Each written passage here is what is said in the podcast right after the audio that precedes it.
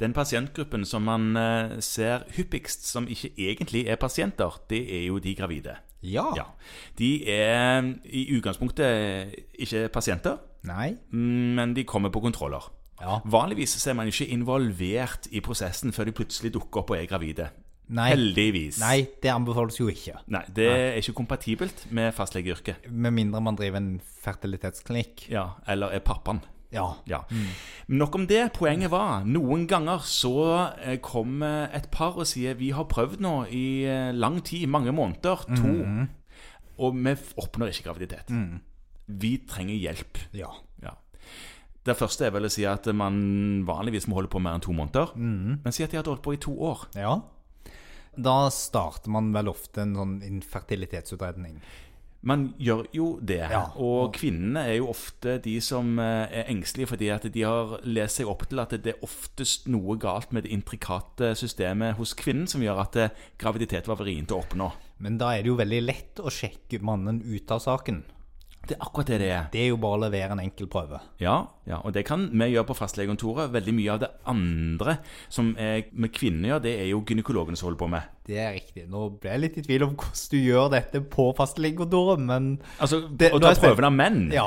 eh, tar man jo ikke på fastlegekontoret, men man kan rekvirere prøven, og så henviser man damen. ja. Ja. Må du prøve å være seriøs? Dette er et alvorlig tema for enkelte, Kristian. Ja, ja det er fordi at nå, nå er vi inne på infertilitet Ja. hos menn. Ja, og det er jo sånn at man må da kartlegge om det er mannen eller kvinnen eller begge. Ja. Og hos mannen så er det helt riktig som du sier, da er det jo en sædprøve, og det klarer de fleste å se på i et mikroskop. Ja, og men man, he- man sender jo nesten alt dette her inn nå. Ja, men du kan også se på den prøven selv. Det kan man. Ja, og få gjøre en vurdering av om det er noen ting der. Og det kommer litt an på hvor man er i landet, og hvordan man er situert i forhold til den prøven. Ja. Eller om man sender den til noen for at de skal se på den. ja. I de tilfellene der man da ikke finner noen levende eller funksjonelle sædceller hos mannen, så må man jo utrede det videre. Ja, og det skjer jo Ja. Var det det du tenkte på, kanskje? nettopp. Da er det jo sånn at da må man først finne ut om dette er sånn som det alltid har vært, eller om det er noe som har oppstått nå. Mm. Altså Har de tatt noen medisiner som har gjort dette? Ja, det er jo noen medisiner som gjør eh, det. Både sånne medisiner du har fått av legen, og sånne medisiner som de kanskje har kjøpt helt på egen hånd. Ja, særlig de man har kjøpt helt på egen hånd. Ja. Og har de hatt noen sykdomstilstander? Altså, du har fortsatt de som ikke har eh, Vaksine. Mm. vaksinert seg. Så det må Du man, tenker på kusma nå, sant? nå tenker jeg på kusma. Eh, så det må man utrede. Ja. Så er det noen andre sånn, mer sånn genetiske tilstander som kan gi dette. Det må man også tenke på. Ja, og det er det jeg har lyst at vi skal ta en bitte liten prat om nå. For det er en som ikke helt sjeldent genetisk tilstand som gir dette her. Noen ganger så er det dette som er problemstillingen, andre ganger så er det n- noe som kommer litt før. Men det kan vi ta etterpå. Ja, du tenker sikkert på den vanligste av de, som er Klinefelters syndrom. Det er det jeg gjør. Ja, Det er ganske vanlig. Ja, det er det, ja. Ja. Hvor, hvor, hvor, hvor mye mange- mange er det? Ja, altså det er ca. 1 per 660 levende fødte gutter. Ja, så hvis man har en liste på 1200 og det er 50-50, så har man en. Ja, i snitt så har man det. Og på et Ja. større kontor så vil det alltid egentlig være noen. Man kan omregne til at det fødes en sånn 45-50 stykker i året med dette. Sånn at det er ganske vanlig. Og mange av de går nok udiagnostisert fordi de ikke har havna helt i den situasjonen at det har blitt kjent, fordi det kan gi veldig moderate symptomer.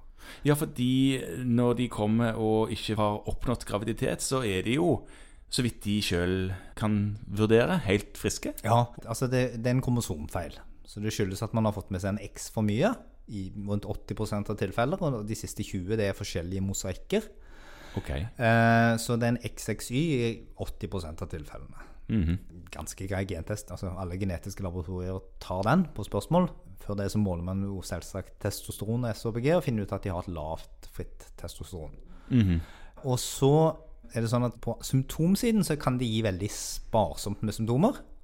Men det kan gi litt redusert kognitiv fungering og litt redusert sosial fungering. For enkelte. Ikke for alle, men Ikke for alle, men for noen kan de gjøre det. Ja. Og så får de litt sånn redusert utvikling av sekundære kjønnskarakteristikker.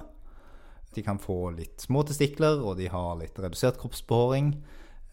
Enkelte lærebøker beskriver de litt sånn grasile trekk, litt sånn slanke trekk. De kan få gynekomasti. Ja. Ja. Og en kanskje litt sånn atypisk fettfordeling.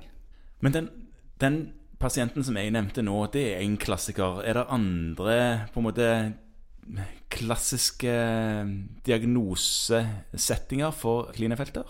Ja, altså, man ser noen av de fordi de ikke går i ordentlig pubertetsutvikling. Ja. Ja, og da kan man jo fange det. Og det man ser er at selv om de er godt voksne, så har disse ganske god effekt av eh, testosteronbehandling. Noen av de sliter også med depressive tilstander og stemningsforstyrrelser, og, og har nok effekt av testosteronbehandling under gode kontrollerte omstendigheter på det. Mhm. Sånn at de får en bedre funksjonsevne hvis de blir substitusjonsbehandla. Men de vil åpenbart ikke klare å få egne barn.